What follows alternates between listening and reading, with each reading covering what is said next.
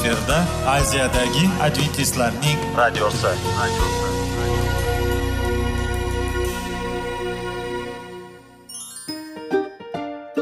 Assalomu alaykum aziz radio tinglovchilar.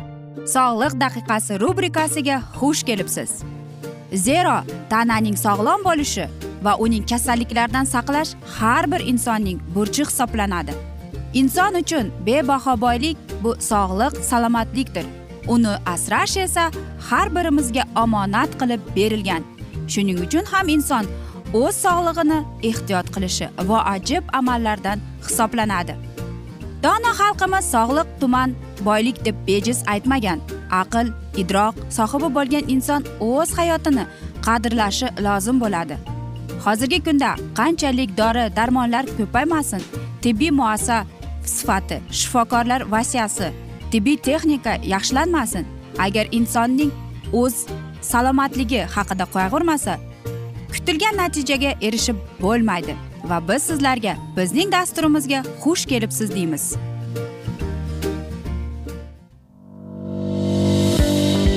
Sog'liq daqiqasi soliqning kaliti qiziqarli ma'lumotlar faktlar.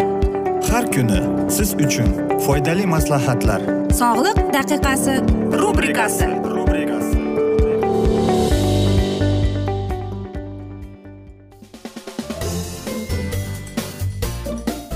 assalomu alaykum aziz radio tinglovchilar. Dasturimizga xush kelibsiz va biz sizlar bilan sog'liq formulasi degan dasturda xushvaqt bo'ling deb aytamiz va bugungi bizning dasturimizning mavzusi hayotni o'zingiz tanglang deb ataladi va albatta bugungi bu ikkinchi qismidir.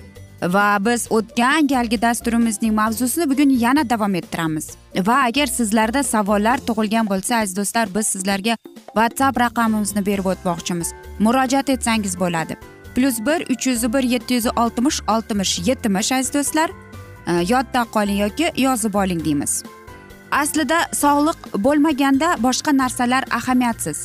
Aynan shu sababga ko'ra biz sog'lig'imiz xavf ostida qolganda emas balki sog'lig'imiz bor paytida uni qo'llab quvvatlashga katta e'tibor berishimiz lozim. Sog'liq haqida gapirar ekanmiz biz jismoniy sog'liq to'g'risidagina emas balki aqliy va ruhiy sog'lomlik haqida ham o'ylashimiz lozim. Bizning burchimiz hayotimizda bir birini taqozo qiladigan uchala optimal holatga erishuv va boshqa odamlarga ham ijobiy ta'sir ko'rsatishdir. Toki ular ham tana aql va ruh mufoqligiga intilsinlar. Va men vrach sifatida odamlarning jismoniy va ruhiy sog'lig'i tiklanadigan bo'l xursand bo'lganlarini tez tez ko'radim deydi doktor karson. Ammo bular ruhiy sog'lomlikdan adabiy e, xursand bo'lganiga solishtirganda arzimas narsa edi. Olam shunchalik chigal xavfli va xasta bo'lib qoldiki to'g'ri qaror qabul qilish oldingi davrlarga qaraganda bugun nihoyatda muhim bo'lib qoldi. Sog'liqni profilaktika qilish yoki muammolarning oldini olish mukammal hayot kechirishni istagan odam qilishi mumkin bo'lgan eng yaxshi narsadir. Va bu dasturlarning asosiy maqsadi ham shu bo'lib odamlar hayotlarining sifatini yaxshilashlariga yordam berish uchun aytilgan. Aniqrog'i biz bu dasturlarni eshittirib sizlarga sizga uzoq sog'lom umr ko'rishni baxtli hayot kechirishni istaymiz. Bu ajoyib maqsad chunki biz ham siz ham abadiy yashash uchun yaratilganmiz. Agar biz mana shu dasturlarda berilgan prinsip va maslahatlarga rioya qilsak adabiy yoki abadiy hayot uchun biz uchun siz uchun real voqelikka aylanadi. Siz farovon va baxtli hayotni qo'lga kiritishingizga huquqiga ega bo'lasiz deymiz. Buning ustiga biz birinchi qarashda tuyulganda qaraganda ancha qimmatlimiz. Masalan inson a'zolarini qarab chiqaylik.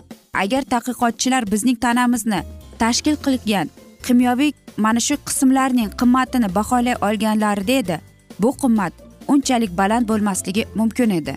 Ammo wired jurnalida keltirgan e, baho bo'yicha o'pkamiz yuragimiz jigarimiz dnk va iliklarimizni pulga chiqqanda har birimiz juda katta miqdor pulga ya'ni qirq besh million dollargacha bo'lgan miqdorga pulga baholangan bo'lar edik.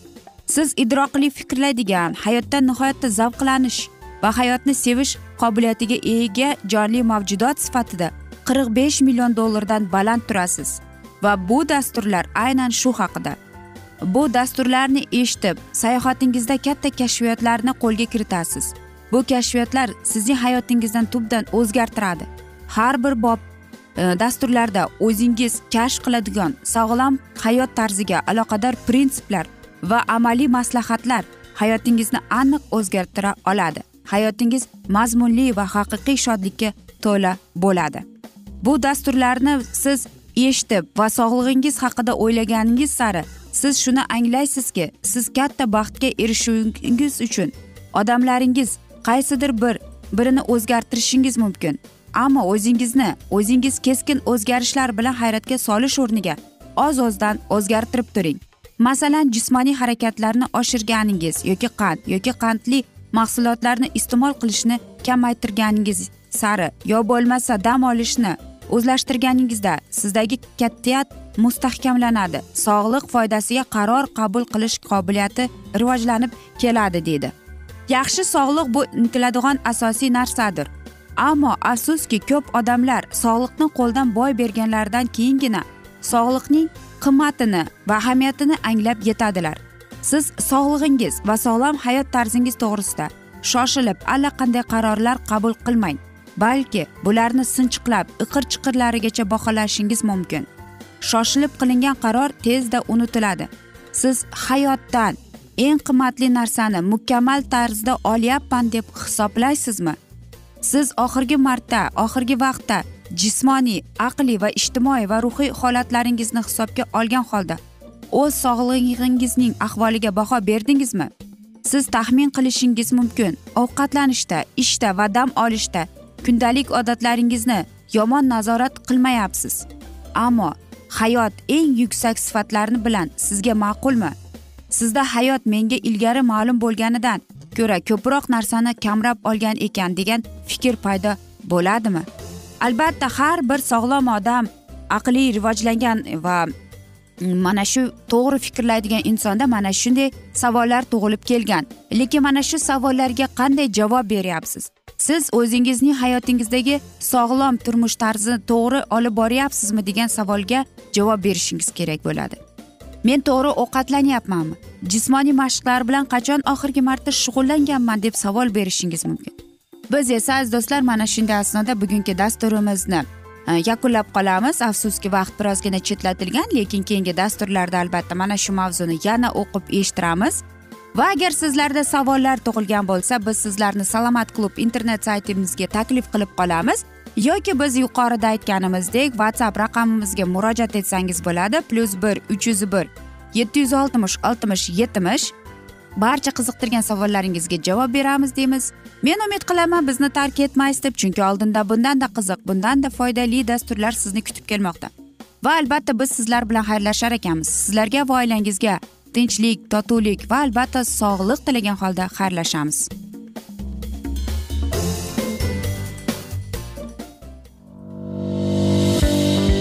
Sog'liq daqiqasi soliqning kaliti qiziqarli ma'lumotlar faktlar. Har kuni siz uchun foydali maslahatlar. Sog'liq daqiqasi rubrikasi.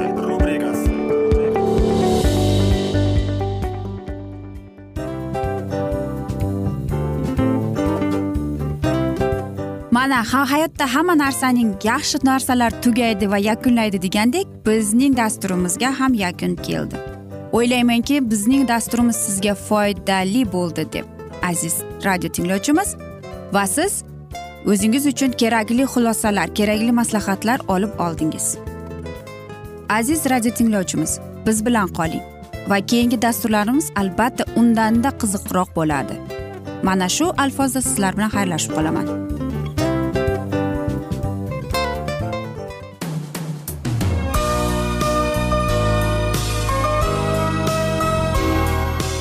Efirda aziyadagi adventistlarning radiosi.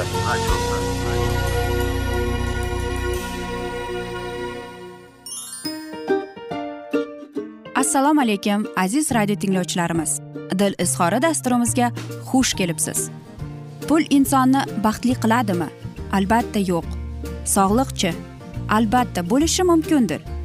Lekin olimlar shuni isbotlashdiki to'liq va mukammal munosabatlar insonlarni baxtli qilar ekan.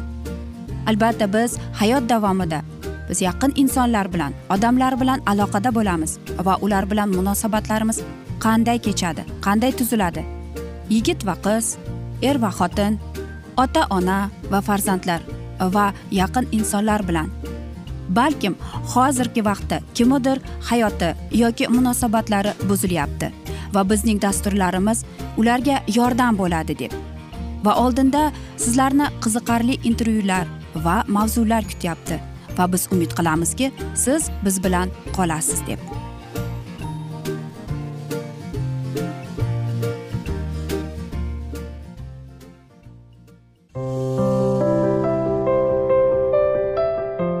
Kuni har xil kasbdagi odamlar bilan sirlashish va bo'lishish sevgi rashq munosabat bularni hammasi dil izhori rubrikasida.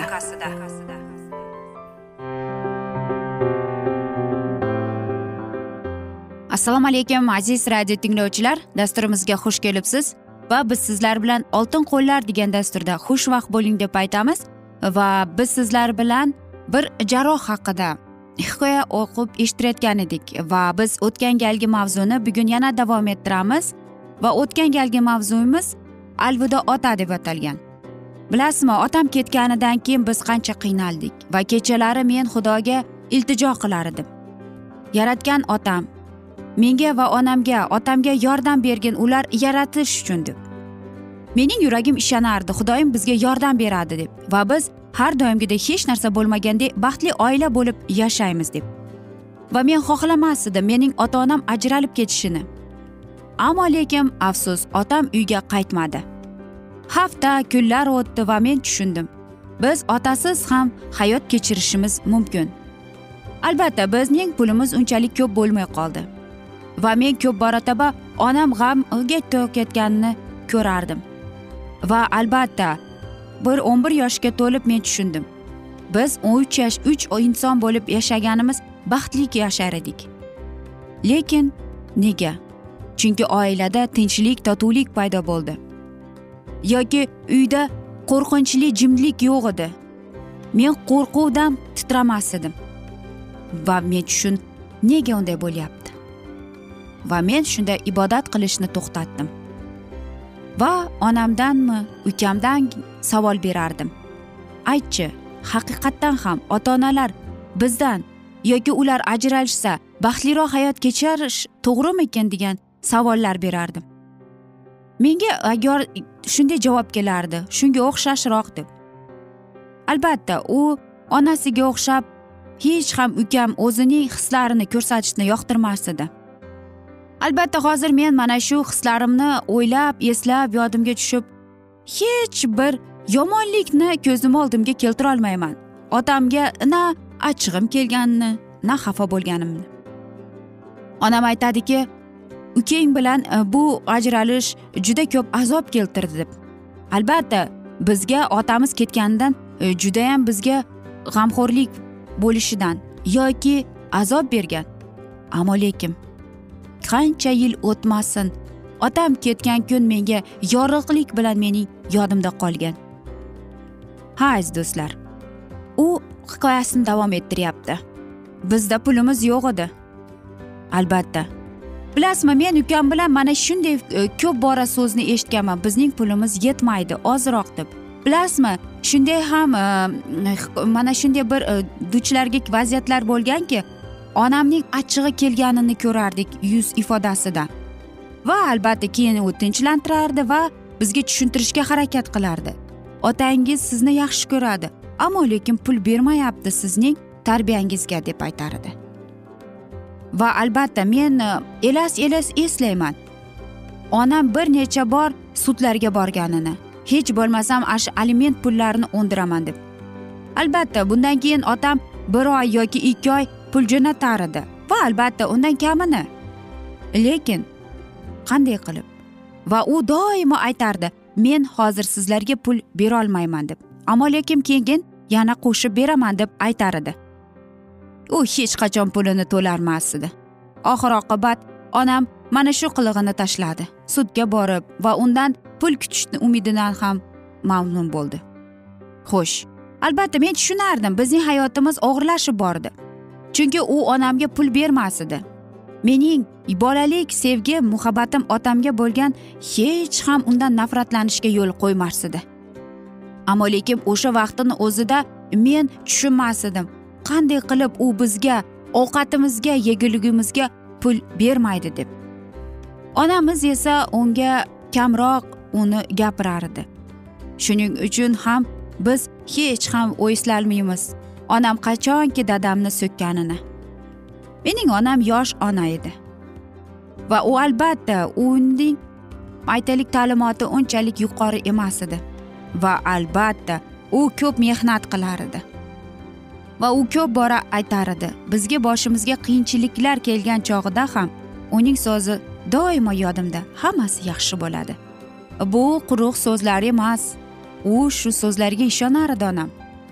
Va u tushuna u e bizga mana shunday dalda bermoqchi bo'lar edi bilasizmi onamning kuchi xudoning kuchidan kelib chiqar edi yoki onaning kuchi mening ukamga dalda berishga quvvat berishga qanchalik kuchi borligini endi bilar edim albatta biz boy yashamasakda lekin biz yaxshi va tinch totuv yashar edik.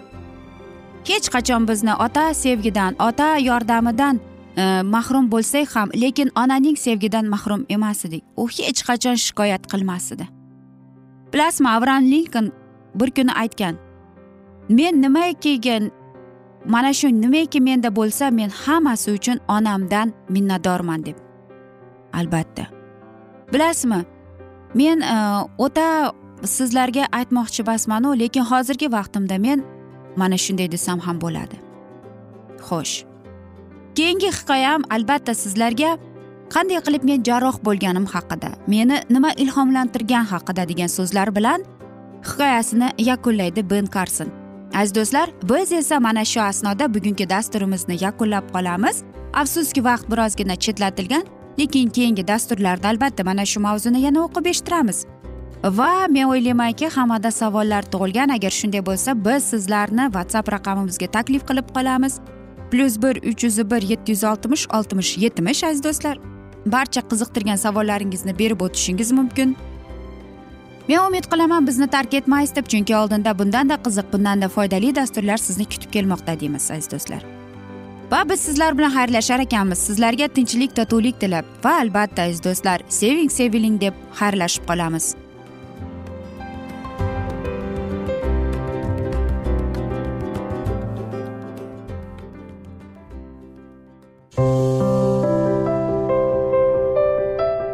Har kuni har xil kasbdagi odamlar bilan sirlashish va bo'lishish sevgi rashq munosabat bularni hammasi dil izhori rubrikasida. Mana aziz radio tinglovchimiz bizning go'zal va foydali va chiroyli dasturimiz yakunlanib bormoqda. Sizlarga birozgina maslahat berib o'tmoqchi edik. Bir biringizni seving qadringizga yeting va erkalang albatta bir biringizni va sizga judayam chiroyli va mustahkam munosabatlar tilab qolamiz albatta. Sevgilingiz doimo yoningizda bo'lsin. Mana shu borada sizlar bilan xayrlashib qolamiz. Xayr.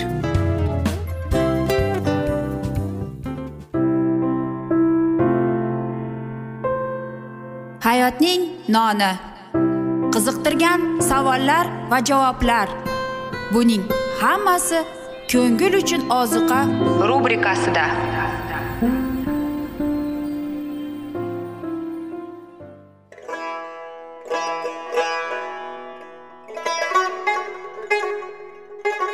Assalomu alaykum aziz radio tinglovchilarimiz. Ko'ngil uchun oziqa rubrikasida xush kelibsiz deymiz.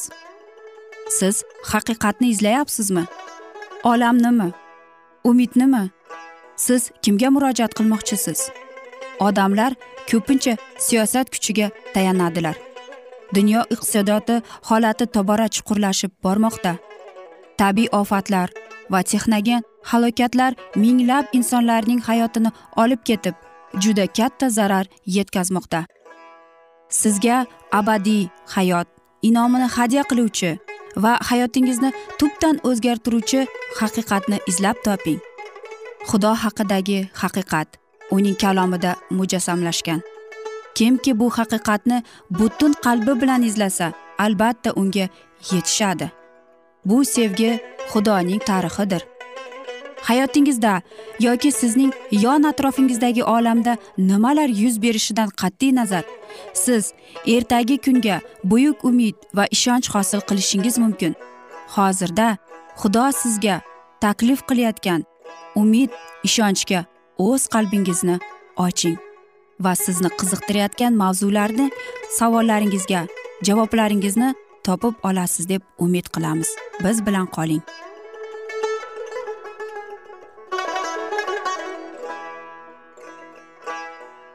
Assalomu alaykum aziz radio tinglovchilar dasturimizga xush kelibsiz va biz sizlar bilan ulug' otalar va payg'ambarlar deb nomlangan kitobni o'qib eshittirishni boshlagan edik va bugungi bizning dasturimizning mavzusi sinay tog'idan kadeshka deb ataladi. Sinay tog'ining yonida to'xtagan yahudiy xalqi ilohiy buyruq olgandan keyin shu zahoti muqaddas chodirni qurishga kirishmadi. Bir yil o'tdi ikkinchi yilning boshida ushbu muqaddas bino birinchi marta barpo etildi. Ruhoniylarni diniy xizmatga tayinlash pasxa bayramini o'tkazish aholi sonini hisob kitob qilish va zarur bo'lgan e, grajdanlik va diniy tadbirlarni amalga oshirish bularning hammasi vaqtni talab qilardi. Shu sababli yahudiylar yanada bir yil qayraytib e, sinayda qolib yashadilar. Ularning qonunlar tuzildi. Ushbu choralar muvaffaqiyatli tashkil qilishga yordamlashardi va yahudiylarni qanon diyoriga kirish uchun tayyorlaydi. Isroilning boshqarish usuli yuksak darajada uyuqqoshlik bilan farqlanadi. U ajoyib mukammal va oddiy edi. Xudovand butun dunyoni kamolotli yaratgan tabiatda namoyon bo'lgan jiddiy tartib yahudiylar jamoatida akslanadi. Hokimiyat va boshqarishning markazi tangri taolo edi. Uning sha'niga berilgan qonunlari asosida rahbarlikka tayinlangan muso uning hokimiyatini mukammal darajada amalga oshirardi. Xalqning umumiy ishlarini hal qilmoq uchun qavmlar qariyalarning ichidan yetmish kishi kengashga saylandilar ulardan keyin ruhoniylar xudo bilan muqaddas makonda maslahatlashardilar. Boshliqlar yoki amirlar qavmlarni idora qiladilar. Ularga mingboshi yuzboshi ellikboshi va o'nboshilar va nihoyat belgilangan burchlarni ijro etuvchilar bo'ysunardilar manzilda yahudiylar jiddiy tartibda joylashardi haloyiqlik yo'ch juda katta guruhga bo'linib har qaysiga manzilda belgili joy berilgan edi. Markazda muqaddas chodir qurilgandi. Qurinmaydi ko'rinmaydigan podshohning istiqomat joyi. Uning atrofida ruhoniylar va leviylar joylashardi. Ularning ketida hamma qolgan qavmlar chodirlarini qurishardi. Chodir bir joyda turgan paytda shuningdek yo'lga chiqqanda unga g'amxo'rlik qilish chodir tartibida bo'lgan narsalarni saqlash leviylar zimmasiga yuklanardi. Manzil joydan ketganida ular muqaddas chodirni kimsalarga ajratmoqchi lozim edi. Xalq tayinlangan joyga kelganida esa ular esa tiklashlari kerak edi. Boshqa qavmlardan hech kim o'lmasligi uchun chodirga yaqinlasha olmas edi leviylar uch guruhga bo'linardi. Leviyning uch o'g'lidan tug'ilgan avlodga va har bir guruhga joy va ish belgilanardi. Chodirga bevosita yaqinlikda muso va xorinning chodirlarini o'rganadi janub tomon qahot o'g'illari joylashardi. Ularning burchiga ahd sandig'iga va chodir jihozining buyumlariga g'amxo'rlik qilish kirardi. Shimolida merosning avlodlari joylashardi. Ularga chodirning ustunlari qalqonlari va boshqa buyumlar tayinlangan edi. Chodirning orqa tomonida gershun avlodi joylashib ular chodirning yopinchiqlarini va pardalarini saqlaydilar. Har bir qavmning mavqei ham belgilangan edi. Ilohiy buyrug'iga binoan har bir qavm sayohat qilganida va manzil ko'rganida o'zining alohida tanlagan bayrog'i ostida joylashardi. Isroil o'g'illarining har biri o'z manzilini o'z bayrog'i o'z oilasining tamg'asi oldida ko'rishi lozim. Majlis chodiri atrofida o'z manzilini qo'yishlari lozim. Qanday qo'yilgan bo'lsa xuddi shu tartibda o'rinlaridan siljishlari lozim. Har biri o'z joyida o'z bayrog'i oldida. Isroil bilan misrdan chiqqan yo'lchilarga boshqa qavmlar bilan joylashish man etildi. Ular uzoqroqda chodirlarini bilan joylashish man etilgan. Ular chodirlarni uzoq joylarga qurishlari kerak edi. Butun manzildami e, yoki atrofdagi tevarakdami benuqson tozalik va jiddiy tartib hukmron edi. Tozalikni rioya qilish to'g'risida batafsil ko'rsatmalar yozib berilgandi. Na bir nopok kishi sababiga qaramay manzilga kirishish mumkin emas edi. Shunchalik ko'pchilik bo'lgan haloyiqlikning sog' salomatligi uchun ushbu choralar haddan ziyod kerakli edi. Isroil muqaddas xudoning hozirligida erkin lazzatlanishi uchun manzilda benuqson soddalik va tartib bo'lishi lozim edi. U o'zi aytgan zeroki xudovand sening xudoying seni forig' qilish uchun va dushmanlaringni sening qo'lingga topshirish uchun manzilning ichra yurmoqdadir. Shuning uchun sening manziling muqaddas bo'lsin. Isroilning butun sayohat kunlarida xudovandning ahd sandig'i ularning oldida borar edi. Ularga to'xtaydigan joyni ko'rib berish uchun qahot o'g'illarining qo'llarida olib yurilgan muqaddas sandiq ichida muqaddas ilohiy qonun mavjud edi va u isroillik aholini boshlab borardi. Sandiq oldida muso va xorin borardilar. Ularni kumush karnaylar tutgan ruhoniylar kuzatardi. Ular musodan ko'rsatmalarni olib karnay ovozi orqali aholiga axborot berardilar. Karnay ovozining ma'nosi har bir gunohning boshlig'i aniq darajada xalqqa yetkazishi lozim edi. Shu buyruqqa binoan yengiltaklik muomala qilgan o'lim jazosiga yo'liqqandi xudo tartib xudosidir osmonda barqaror tartib hukmron samoviy farishtalarning harakati jiddiy tartib va bo'ysunishga shartlangan. Faqat tartib hukmron bo'lib harakatlar moslashgan bo'lsa faqat shunday sharoitda muvaffaqiyat qozonadi. Bugungi kunda xudo o'z xizmatchilaridan isroil kunlariga nisbatan kamroq bo'lmagan tartib va intizomga rioya qilmoqni xohlaydi. Uning sohasida hamma mehnat qiluvchilar yengiltaklikka yo'l qo'ymay yutuqqa ishonmay ongli fikr yuritib tirishlari lozim. Xudo xohlaydiki uning ismi sha'niga mehnat qiluvchilar agar ular ilohiy lutfi qaramiga sazovorlik tilasalar ishlarida sodiq va amaldorlar bo'lsinlar deb. Aziz do'stlar mana shunday asnoda biz bugungi dasturimizni yakunlab qolamiz. Afsuski vaqt birozgina chetlatilgan lekin keyingi dasturlarda albatta mana shu mavzuni yana o'qib eshittiramiz. Yoki biz suhbatimizni whatsapp orqali davom ettirishimiz mumkin. Plyus bir uch yuz bir yetti yuz oltmish oltmish yetmish. Savollaringizni berib o'tsangiz bo'ladi. Biz albatta javob beramiz deymiz. Va biz sizlar bilan xayrlashar ekanmiz. Sizlarga va oilangizga tinchlik totuvlik tilab o'zingizni va yaqinlaringizni ehtiyot qiling deymiz. Va umid qilamanki bizni tark etmaysiz deb chunki oldinda bundanda qiziq va foydali dasturlar sizni kutib kelmoqda. O'zingizni va yaqinlaringizni ehtiyot qiling deb xayrlashib qolamiz.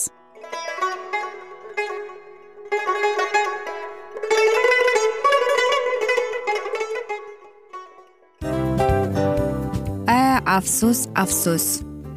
Hamma yaxshi narsaning ham yakuni bo'ladi degandek bizning foydali va qiziqarli dasturlarimiz ham yakunlanib qoldi. Va men umid qilamanki bizning dasturlar sizga ozgina bo'lsada maslahat berdi foyda berdi. Va sog'liq borasida ayniqsa sizlarga foydali bo'ldi deb.